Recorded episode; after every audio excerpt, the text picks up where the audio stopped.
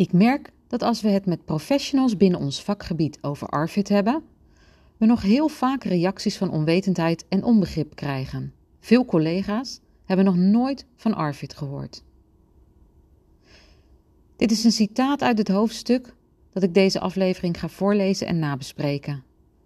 Het hoofdstuk waarin kinderdiëtist Lisbeth de Jong van het Wilhelmina Kinderziekenhuis aan het woord komt. Maar eerst wil ik jullie van harte welkom heten bij alweer de vierde aflevering van dit seizoen en de elfde aflevering van de podcast van Overleven met Arvid. Ontzettend mooi om te merken dat deze podcast voor zowel patiënten en hun naasten als voor zorgprofessionals zo helpend is.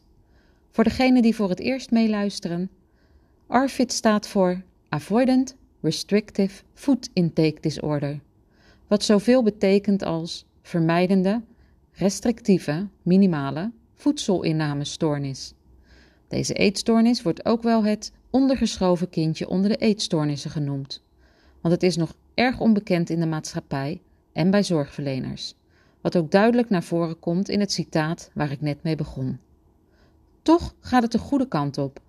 Ik hoor om mij heen dat de informatie over deze eetstoornis zich als een olievlek aan het verspreiden is en dat komt ten goede aan patiënten en hun naasten. Hierdoor worden zij niet langer van het kastje naar de muur gestuurd, maar wordt er eerder gezocht naar de juiste hulp. We zijn er nog niet, dus tot die tijd blijf ik informatie over Arvid verspreiden. Wie ik ben? Ik ben Rita Maris, moeder van zes kinderen, waarvan twee de diagnose Arvid hebben gekregen.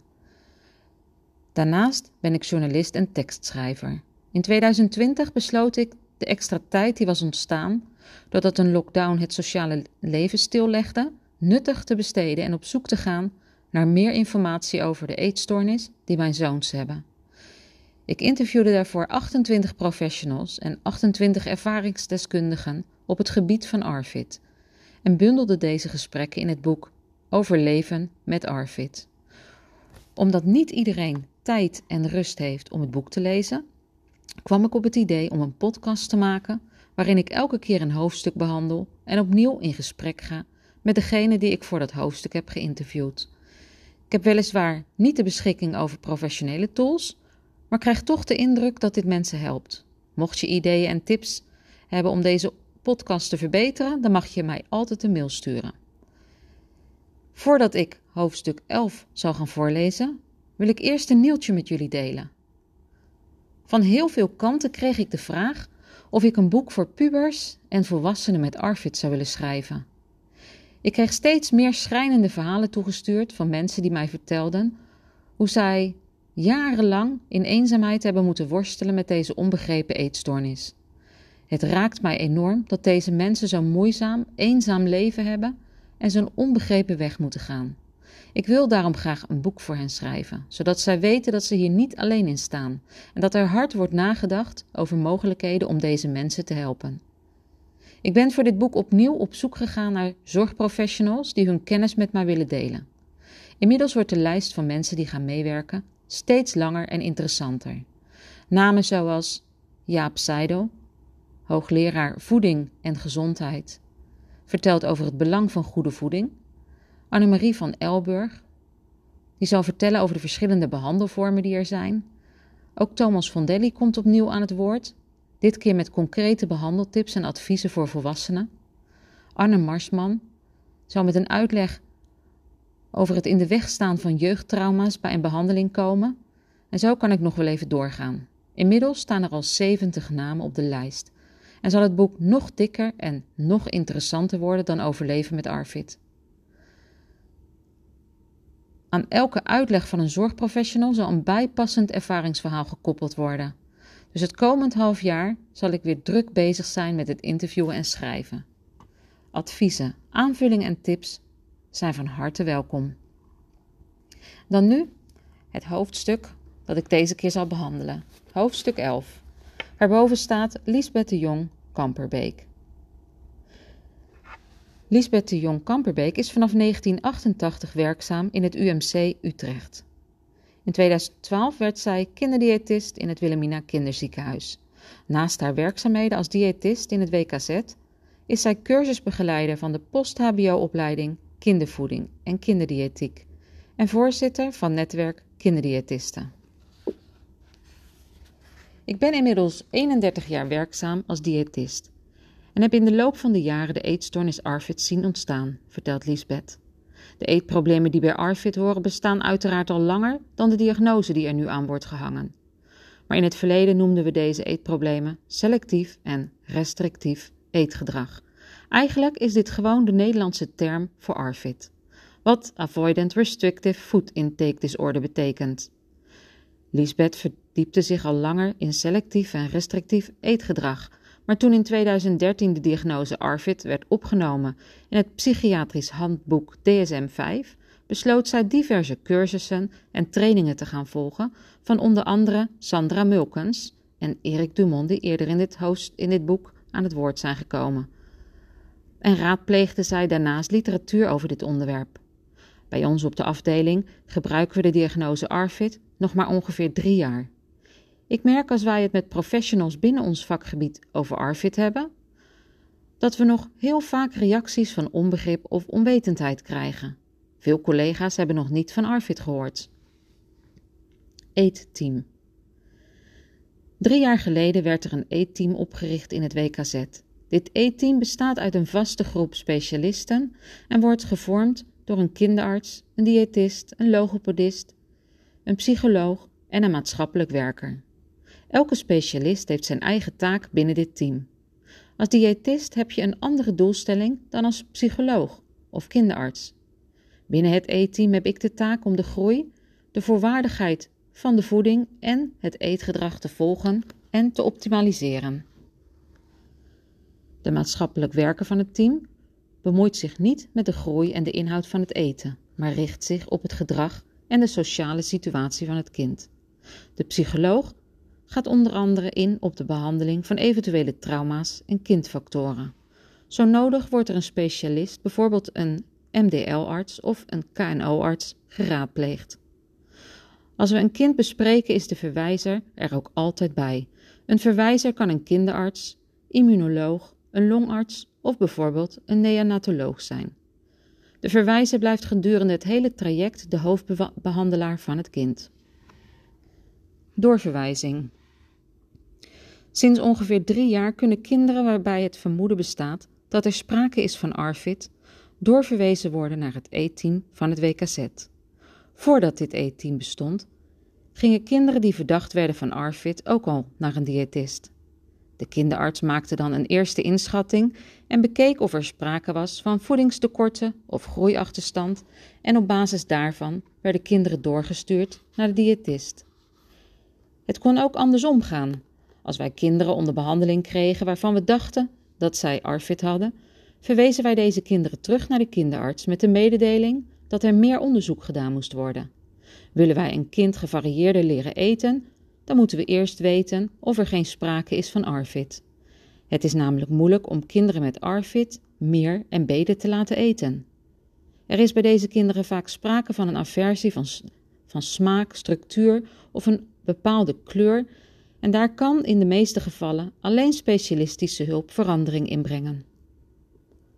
Voedingsanamnese. Als een kind met eetproblemen door de kinderarts wordt doorverwezen naar het eetteam, wordt er allereerst een voedingsanamnese afgenomen. Een voedingsanamnese brengt de voeding van de geboorte tot aan het huidige moment in kaart. We willen alles weten, zodat we een helder beeld krijgen van hoe selectief het kind eet en wanneer dat is begonnen. Lisbeth vraagt daarom aan ouders om een weekenddagboek en een dagboek van door de weeks bij te houden en wil weten wat er gegeten wordt op goede en op slechte dagen.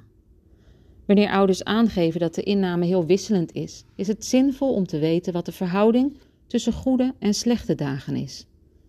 We berekenen de volwaardigheid van de inname van voedingsstoffen zoals vitaminen, mineralen, eiwitten en calorieën. Gezondheidsraad. Nadat wij de gegevens van de voedinganamnese en het eetdagboek hebben verwerkt, komt er een gemiddelde uit. Dat gemiddelde leggen we naast de voedingsnormen die de Gezondheidsraad hanteert voor kinderen. De Gezondheidsraad heeft voor elke leeftijdscategorie voedingsnormen opgesteld. We kijken hoeveel procent van die dagelijkse voedingsnormen het kind heeft behaald. Haalt het alles, dan zijn we tevreden. Groeit het desondanks niet voldoende, dan gaan we de calorieën ophogen. Als er uit de voedingsanamnese naar voren komt dat er sprake is van een tekort aan vitaminen en mineralen, dan gaat Liesbeth kijken hoe de voedingsinname zo volwaardig mogelijk gemaakt kan worden. Dat kan voor vitamine en mineralen bijvoorbeeld ook in de vorm van een supplement, al leert de ervaring dat dit voor kinderen met ARFID erg moeilijk is. Als er sprake is van een tekort aan eiwitten, zal dat voornamelijk aangevuld moeten worden met consumptie van zuivel en vlees. Dat zijn helaas vaak producten die kinderen met ARFID niet zo aantrekkelijk vinden. Als er een verdenking van tekorten is, kunnen we daarnaast ook een uitgebreid bloedonderzoek plannen. Tekorten. Aan de hand van een bloedonderzoek kan worden gekeken of er chronische tekorten zijn ontstaan. Het verbaast mij elke keer weer dat het bij de meeste kinderen meevalt met die tekorten. Vooral als je kijkt naar wat deze kinderen dagelijks binnenkrijgen en hoe eenzijdig zij vaak al jarenlang eten. Doordat zij langdurig te weinig calorieën en bouwstoffen binnenkrijgen, zie je vaak een achterblijvende groei. Als een kind in het eerste levensjaar te maken krijgt met grote tekorten, heeft dat helaas gevolgen voor de ontwikkeling van de hersenen.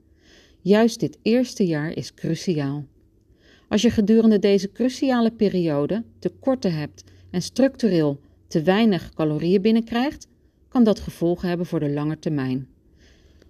Het is inmiddels duidelijk geworden dat een kind met eetproblemen cognitieve problemen kan krijgen en dat de hersenontwikkeling achter kan lopen.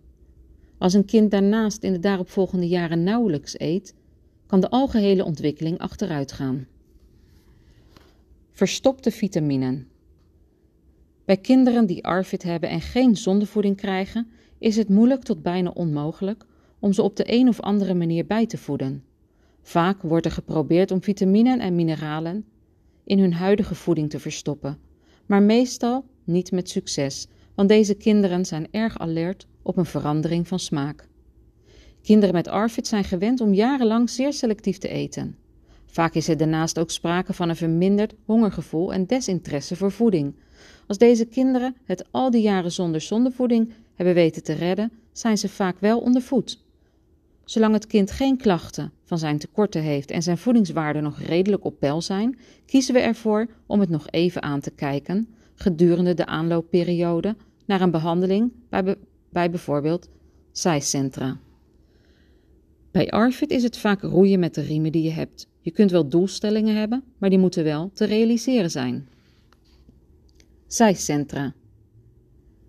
Wij werken intensief samen met zijcentra.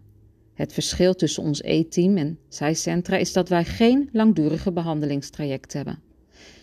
Het is voor mij als diëtist het doel om kinderen in een goede voedingstoestand te brengen en voldoende groei te realiseren voordat ze bijvoorbeeld bij zijcentra in behandeling gaan. Naast een behandeling bij zijcentra kan er ook voor een ander traject gekozen worden. Het is tijdens de eerste maanden van de behandeling erg moeilijk om een kind volwaardig te laten eten. Als je dit traject met een ondervoed kind begint, gaat het conditioneel vaak achteruit en zou dit het, het gevaar van ondervoeding met zich mee kunnen brengen. We gebruiken de maanden dat kinderen op de wachtlijst van zijcentra staan om ze goed gevoed te krijgen of te houden. Als de kinderen goed gevoed zijn, door onder andere aanvullende bijvoeding of zondevoeding, is er ruimte om succesvol te gaan behandelen.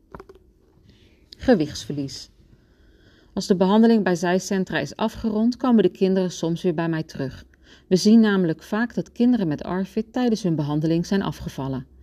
Ze hebben meestal wel leren eten bij zijcentra, maar doordat dit tijd nodig heeft, zijn de hoeveelheden nog te weinig om aan hun dagelijkse aanbevolen behoeften te kunnen voldoen. We maken dan opnieuw een berekening en vullen de tekorten aan met supplementen, bijvoeding of zondevoeding. Lisbeth vertelt over een patiënt die zij onder behandeling heeft. Recent zag ik een negenjarige patiënt weer terug nadat hij langdurig onder behandeling in zijcentra is geweest. Deze jongen had volledige zondevoeding en heeft zijn behandeling bij zijs succesvol afgerond. Door de ziekte die hij naast zijn eetstoornis heeft, kan hij zijn volledige voedingsbehoeften niet enkel uit orale voeding halen. Hij kwam daarom weer bij mij in behandeling, zodat ik zijn bijvoeding kan begeleiden. Maar er zijn gelukkig veel kinderen die succesvol bij zijcentra zijn behandeld en die ik nooit meer terugzie. Meer kennis. Binnen de beroepsgroep van Lisbeth, de kinderdiëtisten, is behoefte aan scholing op het gebied van ARFID. Lisbeth is naast kinderdiëtist in het WKZ ook cursusleider van de post-HBO basiscursus kindervoeding en kinderdiëtiek. Tijdens deze opleiding laten we het onderwerp ARFID ook regelmatig aan de orde komen. Ik merk dat ARFID binnen mijn beroepsgroep nog niet bij iedere kinderdiëtist bekend is. Lisbeth is er een voorstander van dat de beroepsgroep kinderdiëtisten goed geïnformeerd wordt op het gebied van ARFID. Gelukkig wordt dit steeds meer opgepakt in bijscholingen en trainingsprogramma's, maar qua voorlichting en training valt er nog winst te behalen. Gespecialiseerde hulpverleners. Lisbeth wil ter afsluiting benadrukken hoe belangrijk het is dat kinderen met ARFID worden behandeld door gespecialiseerde zorgverleners met kennis en ervaring op het gebied van ARFID. Een kind met ARFID behandelen is niet iets wat je er even bij doet, waarschuwt Lisbeth. Ook benadrukt zij dat multidisciplinair behandelen, wat haar betreft, een must is. Ouders zijn vaak lang op zoek naar de juiste hulp.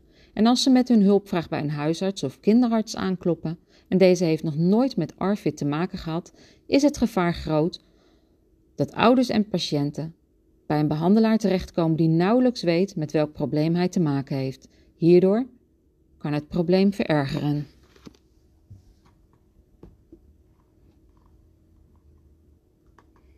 Dit was het einde van hoofdstuk 11, waarin eh, ze aan het woord kwam. Ik ga haar nu bellen om nog wat vragen te stellen.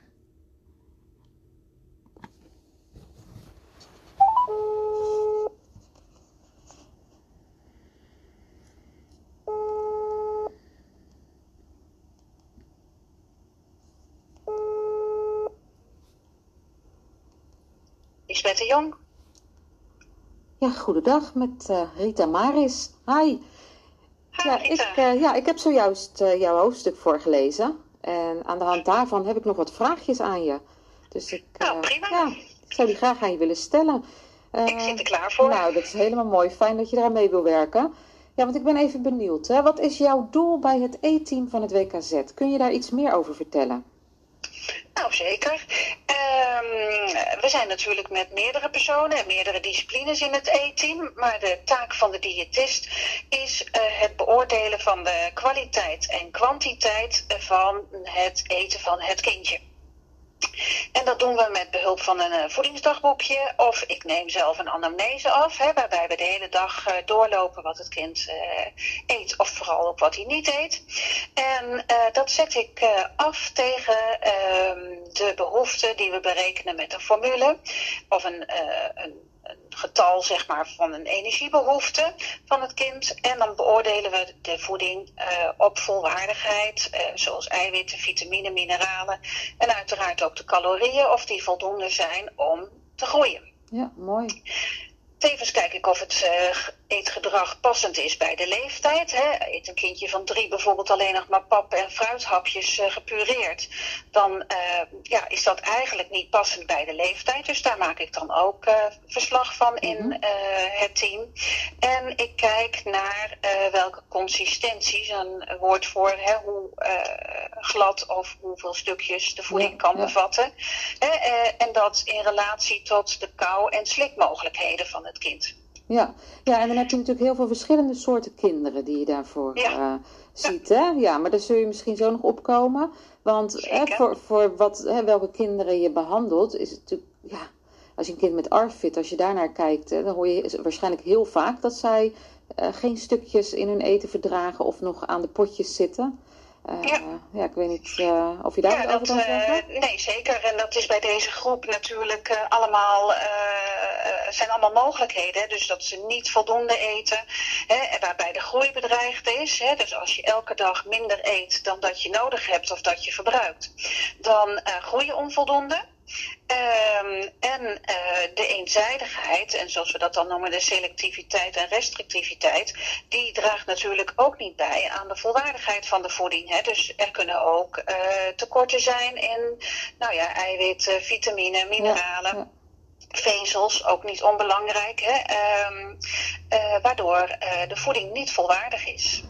Dus ik signaleer het en ik ga het uiteindelijk ook behandelen. Mhm. Maar in het E-team is het ook niet gezegd dat wij alle patiënten nadat ze bij ons in het E-team zijn geweest, zelf houden voor een behandeling. we kunnen daar ook mee samenwerken met onze collega's uit het land. sommigen die zijn al bekend bij een collega en dan verwijs ik weer terug met een advies van het E-team. En gaan ze in hun eigen uh, woonomgeving weer verder met een uh, behandeling om de voeding volwaardig te maken bij een diëtist waar ze al bekend zijn. En soms hou ik de patiënten ook zelf. Ja, want dat is een beetje een probleem. Hè? Want jij stuurt ze dan vervolgens weer terug naar iemand in de regio. Maar de kennis van Arvid ontbreekt nog bij heel veel. En dat is ook wat jij in de eerste alinea ook aangaf. Als je met collega's binnen jouw vakgebied over Arvid praat, hè, zijn er nog steeds collega's die hier nog nooit over hebben gehoord. Ja, we zijn inmiddels anderhalf jaar verder. Ik weet niet of dat, uh, of dat op dit moment ook nog het geval is, nadat het nou, veel in het nieuws is geweest. Nou ja, zeker uh, met uh, dank aan jouw boek en aan jouw lobby hier en daar en overal. Mm -hmm. hebben we natuurlijk een flinke inhaalslag gemaakt in het kennisniveau onder onze collega's. Mooi te het, boek heeft daar natuurlijk, het boek heeft daar natuurlijk aan bijgedragen. er is de afgelopen jaar een richtlijn of een dieetbehandelingsprotocol ontwikkeld uh, voor onze beroepsgroep kinderdiëtisten. Die heet dan uh, Kritische Eters en ARFID. Hè, dus dat is uh, een landelijk protocol wat uitgerold is. Oh, mooi. Um, de werkgroep, de, de, netwerk kinderdiëtisten heeft een werkgroep geformeerd. Hè, waarbij diverse collega's uit het land samen een werkgroep hebben en daar met dit thema allerlei acties ondernemen. En um, nou ja, er zijn er allerlei scholingen geweest waarbij Arvid ook zeker uh, als onderwerp aan de orde is geweest. Dus mede dankzij jouw boek uh, denk ik wel dat het de afgelopen anderhalf jaar goed in de picture is geweest oh, bij onze beroepsgroep. Hey, en is dat, dan alleen... een groot verschil met anderhalf jaar geleden. Dat is ontzettend mooi om te horen. Maar dan vraag ik me af, hè, want ik hoor jou zeggen over kinder, kinderdiëtisten. Is er ook al wel wat bekend voor volwassenen met ARFID? Onder de diëtisten? Of is dat nog steeds een... Uh... Daar heb ik niet zo'n zo zo'n zicht op. Mhm. Maar uh, ik denk dat dat uh, nog... ja, je hebt natuurlijk in de eerste lijn nog veel diëtisten die zowel volwassenen als kinderen behandelen. Dus waarschijnlijk zal dat dan wel, wel een beetje door elkaar heen lopen. Maar ehm, ik denk dat in de vakliteratuur ook wel Arvid uh, nu dusdanig aan de orde is geweest dat iedereen die ervan wil weten het woord en okay, de ziekte uh, aandoening wel uh, heeft kunnen horen. Oh, Zeker. Ja, dit vraag ik eigenlijk... dus in de officiële kanalen bij de diëtetiek is het zeker uitgerold. Oké. Nou ja, dit is eigenlijk ook omdat ik ja, in januari wil gaan starten met een boek voor volwassenen met ARFID. Dus dan gaat het over volwassenen met ARFID. Uh, en het is ook voor volwassenen met ARFID, omdat uh, ja, dat wat onderbelicht werd in het boek Overleven met ARFID. Ja, ja. Uh, dus dat is het nieuwe project dat ik op wil gaan pakken. Dus, nou ja, nou, lijkt me interessant. Ja, ik hoop ook zeker dat ik met veel interessante nieuwe extra informatie, aanvullende informatie kan komen. Dus vandaar eventjes deze vraag. Um, ja, en, en wat ik je ook wilde vragen. Je vertelde dat je de maanden dat een kind op de wachtlijst van zijcentra staat, gebruikt om kinderen die ondervoed zijn wat in gewicht aan te laten komen en bij te voeden. Uh, lukt dit en op welke manier kan dit? Ja, nou ja, lukt dit? Dat is natuurlijk heel individueel bepaald. Um, wij, uh, een van mijn doelstellingen is natuurlijk ook het uh, garanderen van een goede groei met de voeding. En dat is bij uh, deze aandoening best een hele uitdaging. En uh, nou, wat ik al net zei, hè, of mijn collega uh, in het land doet het of doe ik het. Uh, voordat ze naar zij in behandeling gaan, zorgen we dat ze goed in de groeicurve zitten. Hè, zodat ze daar ruimte hebben om te experimenteren, om hun gedragstherapie uh, voldoende tot uiting te laten komen. Kunnen ze niet elke dag aan hun behoeften komen, waardoor we zorgen moeten we zorgen dat ze voldoende gevoed zijn als ze daarheen gaan. En dat doen we natuurlijk met um, voeden boven de behoeften. dus normaal eet je 100% van je behoeften. Maar als je inhaalgroei moet hebben, dan moet je 120% van je behoeften eten. Waardoor je over hebt voor um, groei, extra groei, inhaalgroei zoals we dat dan noemen. Ja. En dat uh, kunnen we natuurlijk op verschillende manieren doen, maar dat is best een uitdaging voor deze groep. Ja. het uh, woord verrijken is daar uh, leidend in. Hè? Dus de huidige voeding die het kindje gebruikt, die gaan we zoveel mogelijk verrijken. En dat kunnen we met preparaten doen, maar dat doen we vooral ook met productkeuzes. Uh, vaker eten, voller eten, uh, volwaardiger eten, dat gaan we proberen. En dat is een hele klus. Voor, nou ja, voor het advies is niet zo'n klus, maar voor de ouders en voor het kind is het wel een, uh, een flinke uitdaging. En ja, zo nodig kunnen we daar met zondevoeding nog een aanvulling op hebben. Hoewel we natuurlijk zondevoeding zo lang mogelijk, en liever helemaal niet, willen inzetten bij, ja, bij het maar soms is het nodig om dat kind toch een poosje per zonde te voeden, zodat hij uh, beter gevoed, in een betere conditie, met wat reserves aan de therapie bij SIJS kan beginnen. Ja, want het is bij kinderen met ARFID natuurlijk ook heel vaak het geval dat zij uh, een vol gevoel hebben, geen mhm. behoefte hebben aan eten, misselijk worden, de kokneiging ja. uh, heel snel hebben. Dus, dus ja, dat lijkt me best heel moeilijk om dan van deze kinderen te verwachten dat zij aankomen, terwijl dat nu juist de grote zorg bij ouders is. Ja, nou dat is ook zo. Maar dat is een gezamenlijk plan van ouder en diëtist en de rest van het team om daar uh, per individu een goed plan op te maken. En uh, wat nog belangrijker is, je kunt het plan wel maken, maar een intensieve nazorg hè, met evaluatie mm -hmm. en aanpassing van het, van het advies uh, is daarbij ook zeer gewenst. Ja, dan neem ik even... ja, daar zijn wij druk mee. Ja, dat kan ik me voorstellen. En dan heb ik even zo'n voorbeeld, hè. Want uh, wij hebben hier ook allemaal dozen in huis staan met, uh, met bijvoeding voor onze zoon. Uh, ja. Nou ja, dat zou die in principe naar binnen moeten krijgen. Alleen, omdat hij ARFID heeft, eh, lukt dat niet. Dus dan kan nee. een toetje er ontzettend lekker uitzien. maar dan is het voor hem nog steeds onoverkomelijk om naar binnen te krijgen. Dus ja. hoe graag je dan ook wil als ouders en, en als kind zelf het blijft toch echt wel heel erg lastig uh, om dat naar binnen te krijgen. Dus ik weet niet of je daar tips hebt voor andere ouders. Want het is een vraag die ik gewoon heel vaak terughoor. Een grote ja. zorg van ouders. Van joh, nu hebben we het eindelijk in huis. We hebben er heel erg ons best voor moeten doen om dit voor elkaar te krijgen. Maar nu krijg ik het niet naar binnen bij mijn kind. Help me. Hè, dat is de vraag die ik vaak uh, te horen krijg. Ja. ja, nou dat is ook de vraag die ik heel vaak te horen krijg. En, uh, en het is een heel bekend en lastig probleem. Ik kan je gelijk uh, vertellen dat ik de gouden tip niet heb. Want als ik hem had, dan ging ja, ik hem uh, ja. vooraan uh, op de telegraaf uitprinten. Ehm, maar dat is helaas niet zo. Wat hierbij heel belangrijk is, is dat je per kind kijkt waar de mogelijkheden liggen. En welk product bij het kind mogelijk passend is. En, ehm, en die dozen die, die ouders binnenkrijgen, dat proberen we de laatste tijd toch echt wel te beperken door kleinere hoeveelheden en proefpakketjes uh, op te sturen. Hè, die grote dozen met enorme voorraden, ja. dat stimuleert ook niet erg als een kind dat ziet.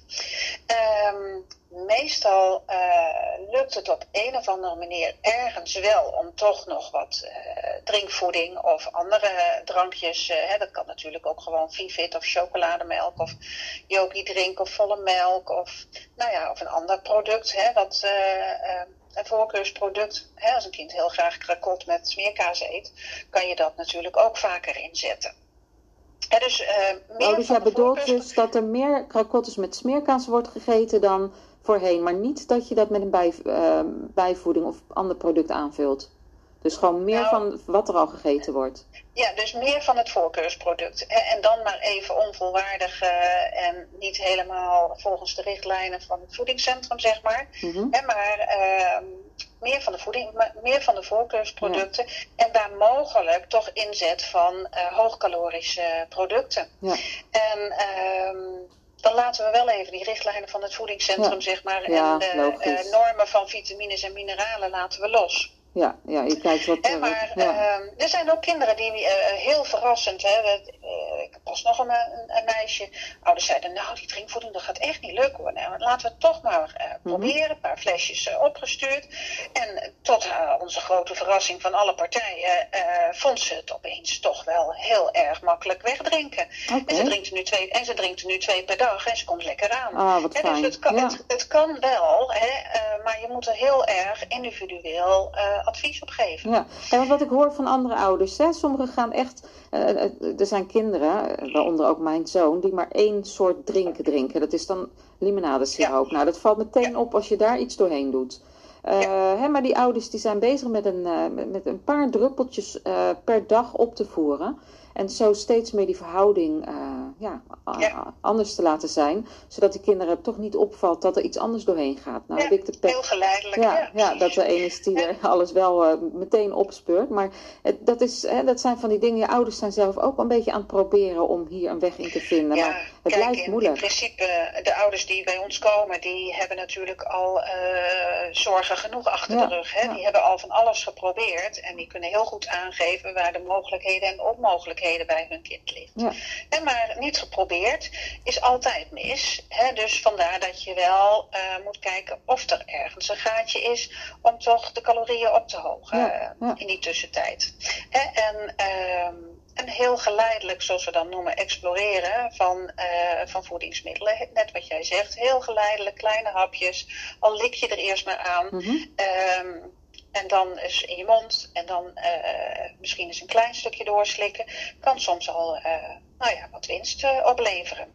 maar de, de, grote therapie voor de echte ARVID-patiënten ligt toch in de gedragstherapie. Ja, ja, ja.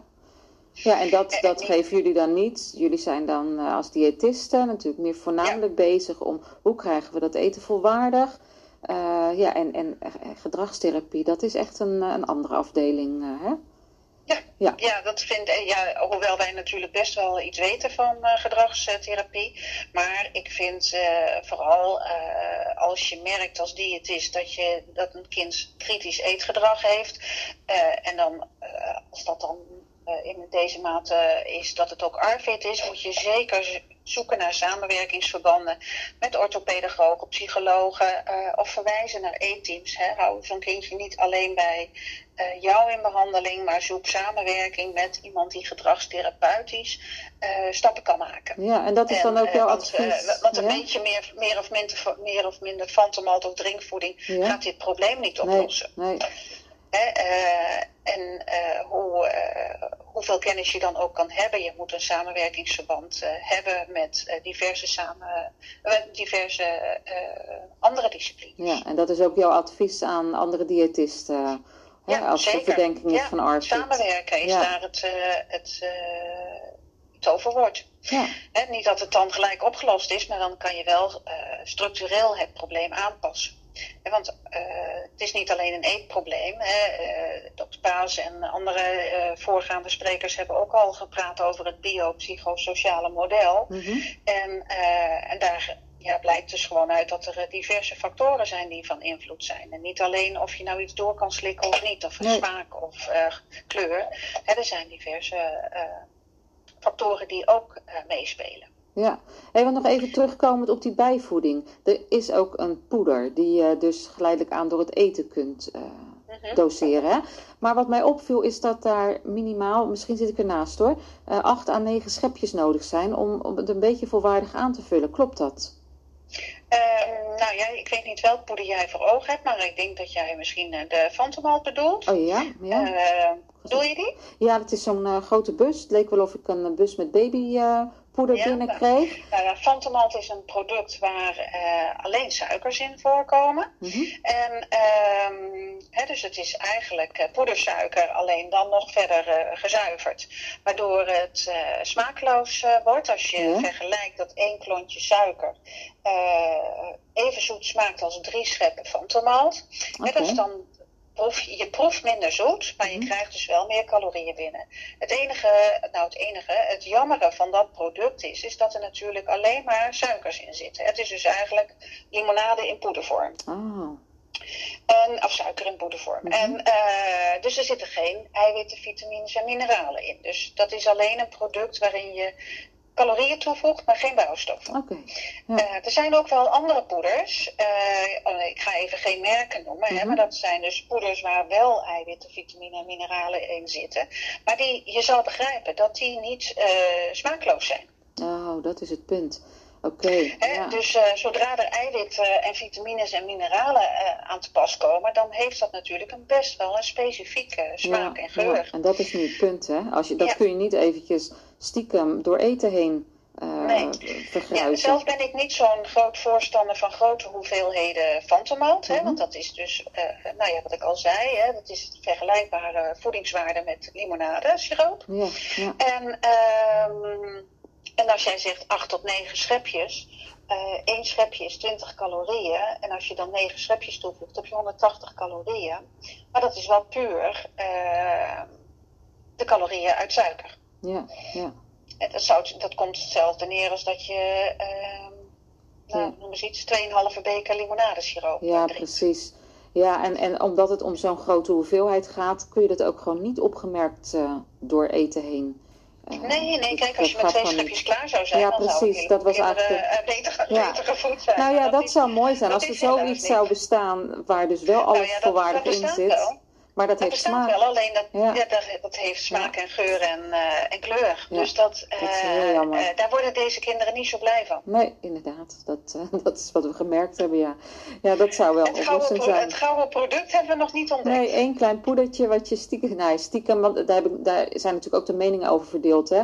Over het stiekem vermengen van producten door het eten, wat, het enige wat ze nog vertrouwen. daar, daar zijn natuurlijk ook echt wel andere meningen over. Moet je dat nou wel of niet doen? er zijn natuurlijk situaties waarbij een ouder uh, eigenlijk zo vastloopt. Uh, dat, dat je al van tevoren weet, nou ja, als ik nu zeg dat ik er iets doorheen vergruist heb, dan weet ik zeker dat het er niet meer in gaat.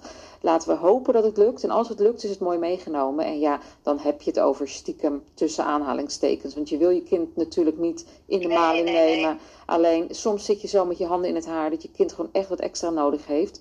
En dat je gewoon manieren bedenkt. Dus ja. Ja, nou ja, het is ook, uh, ook nog wel, uh, in de praktijk blijkt ook nog wel dat stel dat je wel van Fantomalt aan de chocolademelk toevoegt. Hè, chocolademelk was een voorkeursproduct, uh, ging altijd goed. Uh, je voegt de fantomalt aan toe en uh, dat kindje heeft het uh, bemerkt dat daar ja. iets in zit. En die hoeft dan ook geen gewone chocolademelk meer, ja, waar precies. geen fantomalt in zit. dus dat is ook nog wel een risico, wat je loopt. dat is het. En dus dat zijn echt afwegingen die je moet maken van wat stel je voor, wat adviseer je, wat geef je wel, wat geef je niet. En ehm, ja, de gouden tip heb ik helaas niet. Nee, nee want nog een andere... Heb, dan hoor je het hoor. want je had het over suiker hè? Nou weet ik niet of dat soort, hetzelfde soort uh, calorieën zijn die ook je tanden kunnen aantasten. Uh, maar wat, vaak, wat, wat je vaak ziet bij kinderen met ARFID is dat tandenpoetsen ontzettend lastig gaat. En nou weet ik niet of die slechte gebitten alleen daardoor komt of dat het ook kan komen doordat de zuurgraad in, de mond, in het mond anders is. Doordat ze zo eenzijdig eten of maar ja, het is wel opvallend. Zo heb ik bij onze zoon uh, of twee weken geleden ook een uh, complete operatie achter de rug. Er werden echt diverse tanden en kiezen uitgetrokken. Er werd een, een wortelkanaalbehandeling en nou, zes kiezen gevuld. Het was echt een drama. Um, hè, dat gebeurde gelukkig onder narcose, maar je bent zo bang dat het opnieuw zou moeten in de toekomst. Want hè, waarom hebben ze zoveel risico op gaatjes? Heb jij daar een verklaring ja, voor misschien? Nee, ik heb, ik heb geen verklaring, maar uh, uh, geen goede poetstechnieken en weinig poetsen, dat zal niet meehelpen aan mm -hmm. het uh, behoud van de tanden en uh, het veelvuldig uh, gebruik van limonades, sappen, uh, dat soort producten. langdurig drinken uit een flesje bijvoorbeeld, mm -hmm. hè, dat, ja. dat helpt zie ook, ook niet mee. Terug, ja. Hè, dat, dat, zie je natuurlijk ook terug, dat kinderen lang aan een zuigfles blijven ehm, een lange zuigfles blijven ja, gebruiken. Ja. Uh, dat zijn dingen die zeker niet meewerken bij uh, goede tandhygiëne. Nee. En ja, daar moet je natuurlijk wel alert op zijn als je uh, behandelaar bent. En daar ook proberen adviezen op te geven. Ja. En ja, hoe eerder het allemaal in beeld komt, hoe meer je daar ook preventie op kan doen. Ja, dus, maar je hebt, je hebt zelf eigenlijk nog nooit gehoord of er een onderzoek is geweest waaruit blijkt dat de zuurgraad nee. bij kinderen met ARFID misschien wat anders is dan bij kinderen dat die wat gevarieerde uh, eten. Nee. Dat antwoord moet ik je schuldig blijven. Misschien is het er wel, maar ik ben niet op nee, de hoogte. Nee, nou ja, dat is een mooi onderzoekje om nog eens uh, achteraan te gaan. Hè? Ja, ja. ja. Hey, en uh, nou ja, ik ben ook benaderd door een groep studenten die de opleiding voeding en diëtiek volgen. En ze vertelden ja. mij dat er binnen de opleiding geen aandacht voor ARFID is. Uh, en ze hebben nu zelf een lespakket ontwikkeld en hopen dat deze in de toekomst gebruikt zal worden binnen hun opleiding. En ik ben even benieuwd hoe dit landelijk geregeld is en of dit in de toekomst beter zou nou, kunnen. Uh, je brengt me op de hoogte van een feit wat ik niet weet. En uh, die studenten hebben dat dus zelf ontwikkeld? Ja, ja die hebben het dus vorige week gelanceerd. nee, niet de studenten. Niet de docenten, maar de studenten. Ja. Nou, ben, ben benieuwd. Ja. Uh, verrassend uh, verrassend uh, nieuws. ik kan je daar geen nieuws over geven. En ik zal bij de opleiding eens even mijn, mijn licht opsteken van wat daar wat er van aandacht is. Ja, ja. En uh, het is wel zo van dat Arvid wel in de post-HBO uh, kinderdiëtetiek uh, aan de orde komt. mijn collega Loes Venje, ja. die ook auteur is mm -hmm. van het boek, die ehm, geeft die cursus. Dus zij zal zeker eh, bij de post-HBO er aandacht aan besteden. Maar bij de bachelor uh, weet ik niet hoeveel uh, aandacht er voor kritisch eetgedrag en ARFID uh, in de opleiding zit. Nee, zij gaven dus aan dat er geen ruimte kindervoeding was. Is, kindervoeding mm -hmm. is in de bachelor ook vaak alleen voor gezonde kinderen en niet voor zieke kinderen. Nee, precies, dus er wordt sowieso weinig aandacht aan voeding voor zieke kinderen besteed in de in de bacheloropleiding. En, eh, maar het is een goede tip dat ik eens even uh, informeer bij de opleidingen wat daar het uh, lesmateriaal is. Ja, nou dat is mooi. En ja, wat, wat... Maar ja, jou, jij, jij hebt al geholpen, als ik het goed begrijp, bij die groep, of niet? Ja, zeker. Ik, ja, ik, ik mocht daar een mooie rol in spelen. Daar ben ik heel dankbaar voor dat ze mij daarvoor benaderden. En wat zij ook aangaven, is dat zij eigenlijk vinden, en daar ben ik het natuurlijk roerend mee eens, dat het boek Overleven met Arvid op de literatuurlijst moet komen te staan voor die opleiding. Dus uh, ja, hoe krijgen we dat voor elkaar? Nou, uh, ik weet niet of we dat voor elkaar krijgen, maar we, we kunnen er al licht eens even naar kijken uh, met de, de, desbetreffende docenten. wat zij aan, of zij het sowieso in de bachelor willen bespreken, hè, want het ja, is natuurlijk ja. geen passend bij uh, zieke kinderen of niet gezonde kinderen. Mm kinderen met ARFID kunnen natuurlijk prima gezond zijn, maar het is natuurlijk wel afwijkend eetgedrag. Ja, absoluut. En dat moet wel passen in hun curriculum. Ja, hè? Dus ik heb geen idee waar hun normen daarvoor Nee, maar ook voor volwassenen. Hè? Er zijn natuurlijk ook ontzettend veel volwassenen die nu eindelijk durven ervoor uit durven te komen dat zij ja, ARFID hebben. Naar aanleiding van de, de, aandacht die er in de media is geweest de afgelopen tijd. En nou ja, ik, het is echt, echt overweldigend hoeveel volwassenen mij nu benaderen met van, echt, nou echt gewoon soms ontzettend emotioneel. Ja. En dan vertellen ze van, joh, ik, ik loop hier nou al jaren mee. Ik ben uitgelachen. Ik, ik heb me afgezonderd van, van sociale contacten. Omdat omdat niemand mij begreep. Maar alle, iedereen vond me raar. Maar nu blijkt ik gewoon een eetstoornis te hebben. Waar ik aan geholpen kan worden. Maar ja, vervolgens kunnen ze geen hulp vinden. Hè? Maar dat is weer een heel ander verhaal. Maar eventjes, hè, dus ook voor binnen de... Ja, binnen nou ja, de... dus uh, het is denk ik goed dat het bij de, bij de opleidingen aan de ja, orde komt. Ja. Uh, bij uh, aidsproblemen. Dat ARVID ook onder de loep wordt genomen. Ja, dat zou en, heel mooi ik Zal daar, ik zal daar zeker even actie op ondernemen. Nou, ik vind dat een uh, hele mooie afsluiting. En daar kom ik zeker nog een keertje bij je op terug. En maar voor dit moment heb ik uh, toch wel uh, voldoende antwoorden gekregen. Als er nog antwoorden zijn voor de luisteraar, dan kunnen ze altijd even een mail sturen. En dan zal ik deze bij, aan jou doors, doorspelen, zodat je er nog zelf ja. op door kan gaan. Ja, dus voor dit moment heel erg bedankt voor je bijdrage, je antwoorden en ook je hulp aan dit boek ben er heel erg blij mee. Dus uh, dankjewel en een fijne dag verder hoor. Ja, dankjewel. Oké, okay, dag hoor. Nou, ik vond het zelf een uh, erg interessant gesprek wat ik met haar had. Mooie antwoorden ook gekregen op de vragen die ik haar stelde. En uh, een hoop informatie wijzer geworden. Dus ik ben benieuwd of jullie daar hetzelfde over denken. Als er vragen zijn aan de hand van, de, van deze podcast of van mijn gesprek uh, met Liesbeth, dan kunnen jullie mij mailen. En dat kan naar overlevenmetarvid.solcon.nl. Je kunt je vragen ook stellen in de besloten Facebookgroep van Overleven met Arvid. In deze groep zitten zorgprofessionals op het gebied van Arvid, ouders van kinderen met Arvid, pubers en volwassenen met Arvid. En dagelijks komen er vele vragen langs waar we met elkaar een antwoord op proberen te vinden, zodat we samen telkens weer een stukje wijzer worden op dit gebied. Tot slot wil ik iedereen die privé, als leerkracht op school of als zorgverlener te maken heeft met kinderen met ernstige eetproblemen en meer te weten willen komen over ARFID, aanraden het boek Overleven met ARFID te lezen. Wil je daarnaast aan het kind met ARFID uitleggen wat ARFID is, dan zou je Thijs Lust Geen IJs kunnen kopen of lenen. Dit kan bij elke Nederlandse boekhandel en bij de bibliotheek. In de volgende podcast spreek ik Sarah Haverkamp. Sarah Haverkamp is sinds 2010 preverbaal logopedist in het Wilhelmina Kinderziekenhuis en zij is ook verbonden aan het E-team binnen het WKZ. Voor nu bedank ik jullie eh, voor het luisteren.